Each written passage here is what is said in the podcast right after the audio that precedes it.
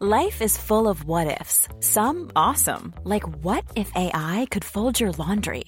And some, well, less awesome, like what if you have unexpected medical costs?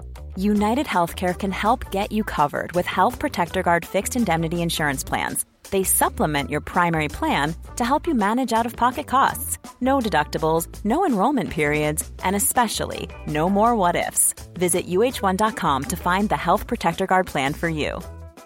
Hey, it's Ryan Reynolds, and I'm here with Keith, co star of my upcoming film, If, only in theaters, May 17th. Do you want to tell people the big news? All right, I'll do. Sign up now and you'll get unlimited for $15 a month and six months of Paramount Plus Essential Plan on us. Mintmobile.com slash switch. Upfront payment of $45 equivalent to $15 per month. Unlimited over 40 gigabytes per month. Face lower speeds. Videos at 480p. Active Mint customers by 531.24 get six months of Paramount Plus Essential Plan. Auto renews after six months. Offer ends May 31st, 2024. Separate Paramount Plus registration required. Terms and conditions apply if rated PG. Since 2013, Bombas has donated over 100 million socks, underwear, and t-shirts to those facing homelessness. If we counted those on air, this ad would last over 1,157 days. But if we counted the time it takes to make a donation possible, it would take just a few clicks. Because every time you make a purchase, Bombas donates an item to someone who needs it. Go to bombas.com slash ACAST and use code ACAST for 20% off your first purchase. That's bombas.com slash ACAST. Code ACAST. Du lytter til en podcast fra TV2.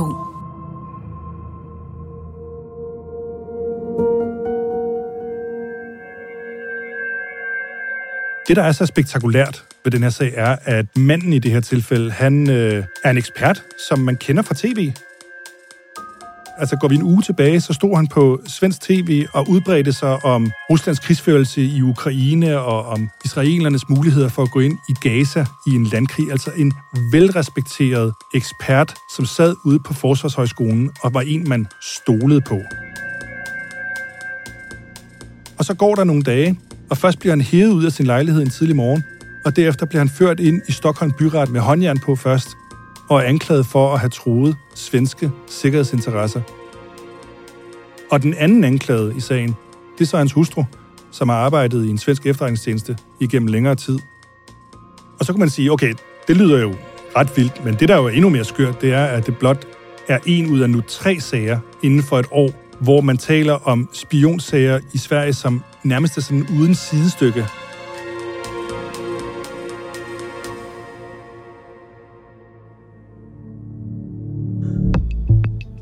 En højtstående svensk militærmand og hans hustru blev for nylig anholdt af den svenske sikkerhedstjeneste SEPO, mistænkt for forbrydelser mod rigets sikkerhed. Mannen misstänks på sannolika skäl för grov obehörig befattning med hemlig uppgift. En sag omgæret af stor mystik og hemmelighedskrammeri.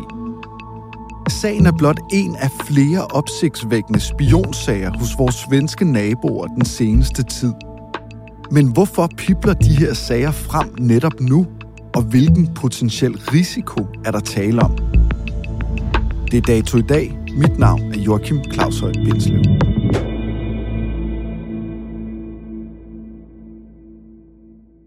Jesper, når man sidder og følger med i, hvad der foregår i Sverige, så er det jo ligesom at læse en eller anden Jan Guillaume-roman, eller se The Americans, altså om de der russiske spioner i USA. Altså, hvad er det, der foregår i det land, du bor i lige nu?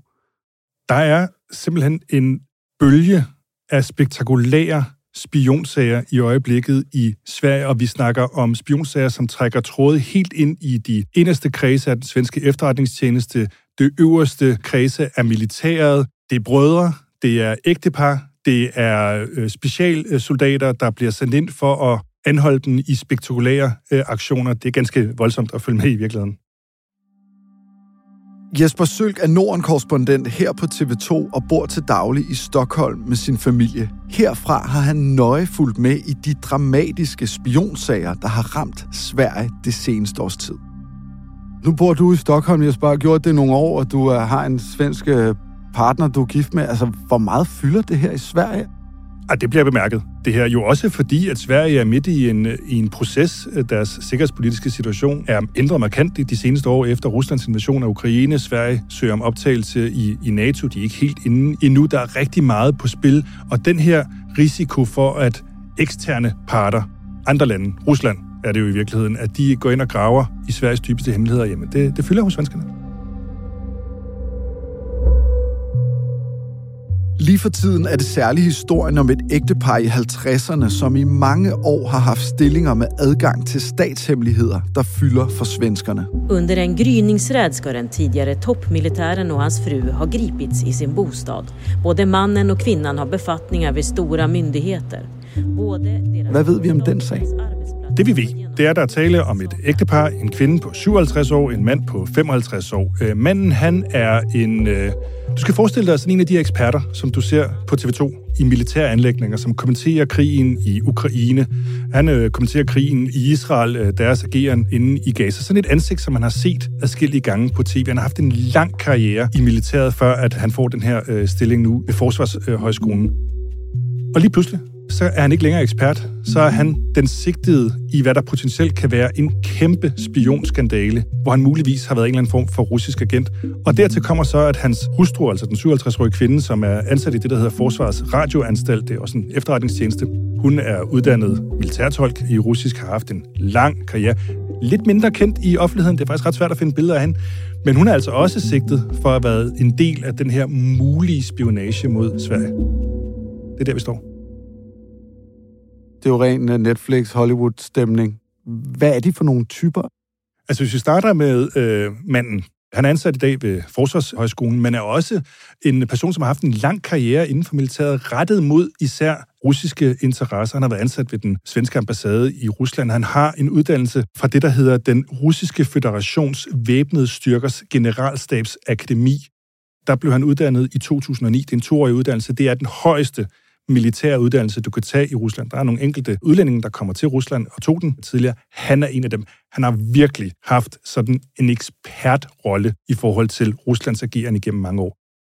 Hustruen har arbejdet i, i Forsvarets Radioanstalt, en, en efterretningstjeneste, har selv en militær baggrund, øh, har været løjtnant ved flyvevåbnet tidligere, øh, uddannet russisk militærtolk. Og det, som den øh, svenske efterretningstjeneste jo nu formoder, det er, at de har de er sigtet for det, der hedder groft misbrug af hemmelige oplysninger det er en trussel mod øh, det svenske rigs øh, sikkerhed. Det er virkelig det, de er anklaget for. Tirsdag i sidste uge kl. 5.05 om morgenen slår SEPO, Sveriges svar på PET, til mod flere adresser, blandt andet ægteparets lejlighed i bydelen Østermalm, der ligger i det centrale Stockholm. Hvordan foregår den her anholdelse? Det er tidlig morgen. Der er billeder af deres øh, dør efterfølgende, hvor man kan se, at den er blevet slået ind. Det har været ganske hurtigt, det er sket det her. Man har brugt øh, det, man vil kan kalde en form for, for chokgranater, for ligesom at pacificere dem, der nu var inde i lejligheden, og så hurtigt pågribe dem og tage dem ud. Og der er man gået ind, pågrebet ægteparet, samtidig også gået ind i en øh, anden ejendom, som de ejer, gået ned og taget alle deres øh, ting ned fra deres kælderforråd, i virkeligheden slæbt ud. Øh, der er, er vidner, der snakker om, at der øh, kort tid efter var omkring 10 personer, der var øh, i civilklædt, altså civile politifolk, som slæbte computer og dokumenter ud af deres lejlighed. Chokgranater? Ja, for. Altså, er det sådan nogle flashbangs, ligesom i Counter-Strike eller sådan noget? Nu har vi jo ikke set det præcis, men ja. Ja, man skal forestille sig for at sikre, at de ikke får en mulighed for at løbe ud af et vindue den lejlighed, de bor på på Østermalm, det er stueplan, altså det vil sige, at vinduet, og så er gaden lige øh, ude på den anden side der. Man kunne potentielt hoppe ud af vinduet og løbe afsted, hvis man ville det. Og det har de jo så vil sikre sig, at det ikke skete i hvert fald. Den her sag er jo behæftet med meget hemmelighedskrammeri, men når du sidder, Jesper, og, og stykker brikkerne sammen, hvad er det så for et billede, der tegner sig af den her sag mod det her ægtepar? Hvis vi kigger på noget af det hemmelighedskrammeri omkring det her, øh, så kan det måske forklare alvoren da de to ægteparet her bliver øh, tilbageholdt af Sikkerhedspolitiet efter den her øh, meget øh, spektakulære retsja en tidlig morgen i sidste uge, der bliver de jo ført til et arresthus. Det er Sveriges mest sikrede arresthus, de bliver ført til. Men det er ikke de normale betjente, der arbejder i det her arresthus, som øh, står rundt omkring de her personer, som står for beskyttelsen. Det er Sikkerhedspolitiets egne folk. De bliver sat i isolation derinde. De må ikke snakke med hinanden. Den eneste, de kan få mulighed for at snakke med, det er øh, deres forsvar.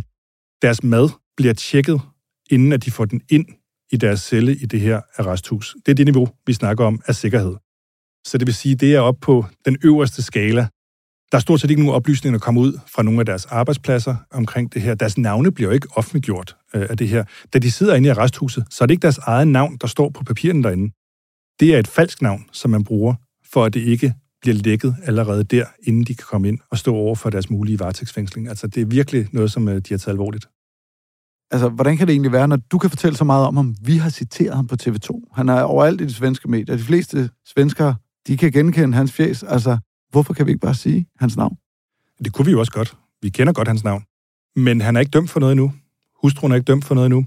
Og øh, i de svenske medier, de traditionelle medier i det mindste, der nævner man simpelthen ikke øh, folks øh, navne på det her tidspunkt, og øh, der lægger vi jo så også op af de svenske medier her, det må vi sige. Hvad siger ægteparet selv til anklagerne? Begge erklærer sig uskyldige som udgangspunkt. Det er det, vi ved for deres forsvar, men der er stor forskel på, hvordan de har ageret. Hvis vi lige hopper ind i Stockholm Byret i sal 8, hvor at øh, de begge to blev fremstillet med henblik på varetægtsfængsling, der er det først hustruen, der kommer ind. Og hun kommer ind sådan skjult under et tæppe, for ikke at vise sit ansigt til alle tilskuerne og, og pressen. Og der går faktisk noget tid, hvor hun nægter at tage det her tæppe væk fra hovedet, fordi at hun ikke vil vise sig. Og der må øh, dommeren derinde så til sidst sige, at vi kan altså ikke have en høring om en varetægtsfængsling, hvor vi ikke kan se hinandens ansigt og blive nødt til at lukke det ned. Og så får hun så lov til at sidde sådan med ryggen til, så at øh, pressen og tilskuerne stadigvæk ikke rigtig kan få et, et billede af hende. Og det er så den måde, at det foregår for hendes vedkommende. Og hendes forsvar har faktisk ikke sagt særlig meget, andet end at vi ved, at hun har erklæret sig uskyldig. Udover det har han ikke haft nogen som helst kommentar. Mandens, hvis vi går ind i, igen i sal 8 der i Stockholm Byret, da han kommer ind, så går han sådan ind med rank ryg, kigger trodsigt over mod tilskuerne, trodsigt over mod øh, journalisterne. Og vi ved, at han øh, efterfølgende har begæret, at han skulle øh, løslades med det samme. Han mener ikke, at der er nogen som helst beviser for, at han skulle have gjort noget som helst galt. De mener, at det er en forkert sag rettet mod ham. Det er simpelthen to forskellige måder at agere på fra hustruen her og fra manden. Og det vi da også ved fra, fra kilder, som blandt andet har snakket med, med Svenske Dagbladet, det er, at det ser ud til, at det er hustruen i, i det her tilfælde, som er den hovedmistænkte. Ikke bekræftet, men det er det, der er forlydende. Altså, det lyder som det værste mareridt for et land, at højt dekoreret, erfarne militærfolk, der sidder i efterretningstjenester med adgang til måske de mest følsomme oplysninger overhovedet, skulle arbejde for en fjendtlig stat, i det her tilfælde Rusland, ser det ud til. Altså, ved vi mere præcis, hvad det er, de her to, det her ægtepar i 50'erne har haft adgang til af oplysninger? Der er rigtig mange ting, som er hemmelige stadigvæk, som vi ikke har fået oplyst. Og man skal også huske, at den paragraf, de er anklaget for lige nu her, altså det her grove misbrug af hemmelige oplysninger, det er ikke spionage i sig selv. Altså spionage, det er noget, der kan give livstidsfængsel. Det har man set før i Sverige. Det her, det er noget, der har en straframme på omkring fire års fængsel. Og det er i virkeligheden i sin essens, at man har håndteret hemmeligt materiale på en måde, som man ikke burde. Det kunne være, at de bare har, har lagt i nogle kasser derhjemme, nogle hemmelige dokumenter, som de ikke burde. Det er sådan minimumsgraden af det her. De behøver ikke at have ageret med for eksempel russiske agenter. Men man kan jo ikke sige, at det ikke vil udvide sig den her anklage mod dem. For det har man også set i tidligere sager, at de starter lavt anklagemyndigheden, og så skruer de op helt op i nærheden af spionage. Der må vi vente og se. Du siger, Jesper, indtil videre er det en strafferamme på omkring fire år, de står til. Det kan ligesom ændre sig, som sagen skrider frem. Men hvad siger det der, at de bliver behandlet på den måde? Deres mad bliver tjekket, de normale fængselsbetjente bliver stridtet ud, for at der står nogen fra efterretningstjenesten og holder øje. Der er flere muligheder, men de to mest diskuterede i Sverige i øjeblikket, det er et, at øh, man ved mere, end man har anklaget dem for på nuværende tidspunkt. Det er simpelthen en større sag, end det, der er derude nu her. Den anden mulighed er, at det i virkeligheden i sin essens er en relativt lille sag, men at den svenske efterretningstjeneste har haft et behov for at vise, at de er på bolden. Både i Sverige, men også udadtil over for både Øh, fremmede magter, der kunne have onde interesser mod Sverige, men også mod øh, venner, altså andre vestlige efterretningstjenester, man samarbejder med. Simpelthen vise, at man har styr på det. Og det er jo helt tydeligt, at de tager det alvorligt, den svenske sikkerhedstjeneste, det her, i udgangspunktet. Og et andet element, der faktisk spiller ind i det, er, hvis man kigger på, hvem er de to anklager i sagen, så hedder de øh, Per Lindqvist og Mats Jungqvist. Og for dem, som har fulgt med i svenske spionsager her øh, det seneste stykke tid, så vil de to navne faktisk være genkendelige, for det er det samme anklagerhold, som stod bag anklagerne mod øh, det svenske-iranske brødrepar, som blev dømt for spionage mod Sverige her øh, tidligere i år. Sagen omhandler Payman og Payam Kia. De er begge dømt skyldige i grov spionage mod Sverige for Rusland. Storebroren har været øh, ansat i forskellige høje stillinger inden for den svenske efterretningstjeneste, og er nu dømt for at have videregivet oplysninger til Rusland, øh, den øh, militære efterretningstjeneste GRU, igennem længere tid med hjælp af lillebroren. Og når vi snakker om oplysninger, så kan det potentielt være sådan nogle oplysninger som for eksempel, hvem har været ansat i den svenske efterretningstjeneste? Har der muligvis været navne imellem, som har været svenske agenter i udlandet? Det er det niveau af adgang, som storebroren på et tidspunkt i sin karriere har haft, og som muligvis kan være givet videre. Det er simpelthen de samme to anklager. Det vil sige, at vi er oppe på et niveau, hvor at den største, mest spektakulære spionsag i Sverige igennem årtier, der er det nu de samme to anklager, som skal forsøge at dømme det her øh, ægtepar ude for Østermalm i Stockholm. Og som om det her ligesom ikke var nok, Jesper, så er der også et andet ægtepar sidste år, der blev anholdt og sigtet for spionage efter en politiaktion i Stockholm. Hvad var det, der skete her? Den tidlige morgen i november sidste år, øh, der er et tykt snedække, der ligger hen over Stockholm på det her tidspunkt, og klokken er lige blevet 6 om morgenen. Naboerne er ved at stå op. Børnene skal i skole.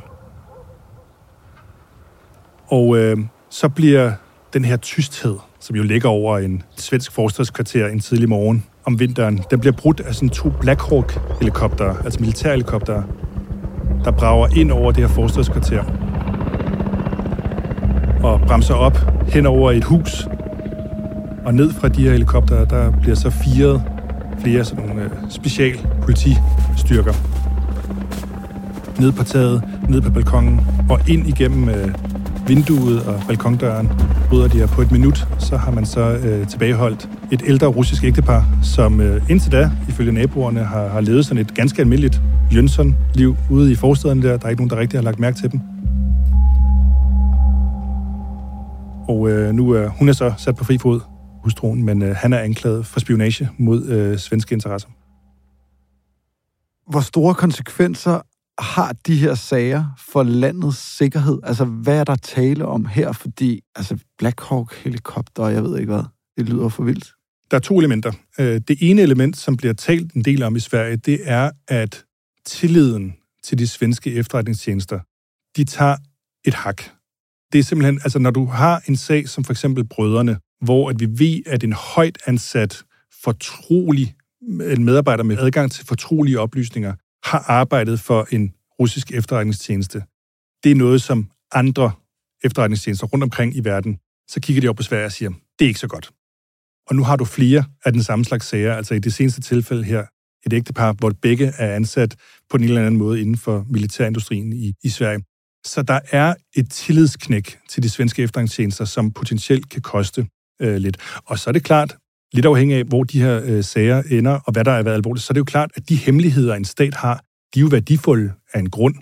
Og man har jo set i det her tilfælde, at der har været adgang til både ting, som amerikanerne er bekymrede for, som russerne enormt gerne vil have fat i, og som svenskerne har forsøgt at holde hemmelige. Og der kan man jo selv regne ud, det er ikke så heldigt for et land, selvom vi jo godt ved, at der foregår det her til højre og venstre, altså spionage, kontraspionage. Det er jo ikke kun i Sverige, man har set en udvikling, hvor det er vokset. Det har man også set andre steder rundt omkring i Europa. Hvad ved vi om, hvordan Rusland opererer i Sverige og for eksempel her i Danmark og Norge osv.? Nu har vi jo de her ganske spektakulære sager, hvor at det er sådan en form for, for sovende celler eller aktive celler, som har opereret lysskyt i Sverige, eller er blevet omvendt svenskere, som arbejder for russiske interesser. Det er jo den ene del af det. Men så ved vi jo også, øh, og det ved vi jo takket være blandt andet vores kollegaer over på DR, som har samarbejdet med SVT i Sverige og NRK i Norge, at der jo også har været et omfattende spionagearbejde inden for russisk diplomati i Danmark, i Sverige, i Norge, i Finland. Og der har vi jo set her over de seneste måneder, at øh, alle de nordiske lande har udvist russiske diplomater, fordi at man sådan set ikke mente, at de var der som russiske diplomater, men at de var der som efterretningsagenter, altså med en helt anden agenda, end det de udgav sig for at være. Det er jo en anden del af det her spionage- og kontraspionagearbejde, der foregår i øjeblikket, hvor det er sådan lidt langt mere etableret, og hvor de sager, vi snakker om her i, i Sverige, det er en form for, for celler, nogle af dem sovende, nogle af dem aktive, nogle af dem, hvor vi ikke rigtig ved, hvad præcis de har foretaget sig, men med et andet element af det her spionagemiljø, som åbenbart er ganske aktivt. De her sager, altså det vælter jo ud med dem i Sverige, men hvorfor kommer de frem nu? Altså, er der en eller anden forklaring på, at vi ser det her spion-bonanza hensidan? Altså. der er et par mulige forklaringer. Ingenting er jo hugget i sten her, men det, som eksperter kigger på, det er blandt andet, at i forbindelse med Ruslands invasion af Ukraine, så kan det være, at der er lidt mere tryk på nogle af de her sovende celler rundt omkring i Europa, herunder i Sverige, på at levere oplysninger. Den russiske militærindustri har brug for mere materiel, ny teknologi. De skal hamle op med, hvad Ukraine får fra NATO, fra amerikanerne. Så der er et yderligere tryk på at få de her oplysninger, som kan gavne øh, Rusland. Og der bliver måske også taget nogle flere chancer. Og det giver nogle åbninger for de vestlige, og i det her tilfælde de svenske efterretningstjenester, for at opdage noget, som man ikke tidligere har været opmærksom på. Og så kan der også være nogle forbindelser, altså hvis den ene sag, for eksempel med brødreparet her, den kan jo lede til nogle oplysninger, som muligvis kunne føre videre til den næste øh, sag. Altså der er nogle forbindelser, man ikke har set tidligere, men som kan begynde at åbne nogle døre, og så lige pludselig så kommer der et gennembrud. Det er også nogle af de ting, der bliver øh, spekuleret i. Men mest af alt, så er det nok, at øh, det er en anden situation sikkerhedspolitisk. Rusland har brug for mere, og derfor bliver der muligvis også taget lidt flere chancer, og derfor kan folk blive opdaget. Er der et eller andet, der gør, at det lige sådan er Sverige, der på en eller anden måde er på sådan en hitliste i Kreml, øh, hvor der skal æder spark med spioneres? Nu kan vi nok ikke helt afvise, at øh, der også er ganske store russiske interesser i, i andre lande, for eksempel Danmark. Øh, vi har også set et par sager fra Norge, men hvis man skulle snakke om, hvad der gør Sverige ekstra interessant, så er det for eksempel sådan noget som, at den øh, svenske forsvarsindustri er jo kæmpestor. Sverige eksporterer rigtig meget våbenteknologi. De producerer rigtig meget våbenteknologi. De har en øh, industri generelt, som er øh, langt mere storskala, hvis man skal bruge det ord, end vi har for eksempel i Danmark. Der er simpelthen flere ting, som kunne være interessant for Rusland at lære mere om. Så er der den øh, geografiske beliggenhed, altså Sverige ud til Østersøen. Man har den her lille perle, Gotland, der ligger derude, og den, der styrer Gotland ude i Østersøen, har sådan set kontrollen over både luftrummet og vandet ude i Østersøen. Det er strategisk enormt øh, vigtigt. Og Jesper Søg, nu kan jeg sige uh, goddag og velkommen til dig. Du er med fra Visby i Gotland. Man har opskaleret noget af aktiviteten herude på Gotland, en meget, meget strategisk vigtig ø, hvis man kigger på det sådan rent militært. Og så er der jo også den her proces, som Sverige er midt i. Altså, de er på vej ind i NATO, de bryder med deres alliancefrihed, de melder sig endegyldigt ind i den vestlige klub af militære øh, lande, og der har Rusland jo sagt, at det er en trussel øh, mod dem, fordi at NATO's grænser rykker tættere på de russiske grænser, og det er russiske interessesfære og alle de her ting. Så alle de elementer spiller nok ind i, at Rusland har et, et øje, og familien har haft et øje på, på Sverige, som har været lidt ekstra igennem rigtig lang tid. Jeg kan heller ikke lade være med at tænke på, Jesper, er det bare svenskerne, der er rigtig gode til at fange og finde de her spioner, eller noget, der i hvert fald ligner spioner? Eller er der mange flere i Sverige? Altså, underforstået, render vi rundt i Danmark med en masse spioner, der sværmer rundt, uden at vi ligesom har opdaget dem? Fordi de er lige over på den anden side, så hvorfor skulle de ikke være her? Det ved vi jo reelt ikke. Måske er der nogen i efterretningstjenesterne, der, der kender svaret. Men det er klart, at når vi, når vi sidder her og snakker om det, så er det jo opsigtsvækkende, at du har haft tre så spektakulære sager, så tydelige sager i Sverige inden for et års tid, og vi ikke rigtig har haft nogen i Danmark. Og så er der ligesom spørgsmålet, er det fordi, at der ikke er nogen, som er i Danmark og leder efter danske hemmeligheder, eller er det, som du siger, fordi at svenskerne har været bedre til at opdage dem, der nu forsøger at grave de svenske hemmeligheder ud, eller er det fordi, at der øget interesse eller større interesse for de svenske end øh, for de danske? Det ved vi jo reelt ikke, men, men opsigtsvækkende er det, og at der er en forskel, det er jo helt tydeligt. Altså, spiondramaerne vælter ud over i Sverige, og herover på den her side af, af Øresund, jamen der har vi jo nærmest ingen. Hvad kommer du til at holde øje med den kommende tid i forhold til den her spionfest, de har gang i i Sverige? Hvis vi skal holde øje med én ting i forhold til det her ægtepar, så er det, hvad er det præcis, de ender med at blive anklaget for? Vi er nede i det, man kan sige, en rubricering i øjeblikket, som er sådan minimumsniveau, når man taler inden for spionageboblen. Der er vi helt nede på laveste niveau i øjeblikket i rubricering. Men når man kigger på, hvordan de blev tilbageholdt, når man kigger på, hvordan de blev behandlet, da de sad ude i arresthuset, Når vi kigger på, hvordan hustruen gemte sit ansigt, da hun gik ind i retten der i Stockholm Byret i sal 8, og ikke vil vise sit ansigt gemt under det her øh, grønne tæppe, så er der noget, der tyder på, at der er et eller andet i den her sag, som kan vokse, som kan blive større. Og hvor det så ender, det bliver rigtig interessant at følge. Jesper Søl, tak fordi du kom. Det var så lidt. Dagens program er tilrettelagt af Emil Laversen. Pauli Galskov står for Lyddesign. Redaktør er Astrid Louise Jensen. Og mit navn er Joachim Claushøj Bindslev. Hvis du kan lide, hvad du hører, så husk, at du kan følge Dato der, hvor du lytter til din podcast.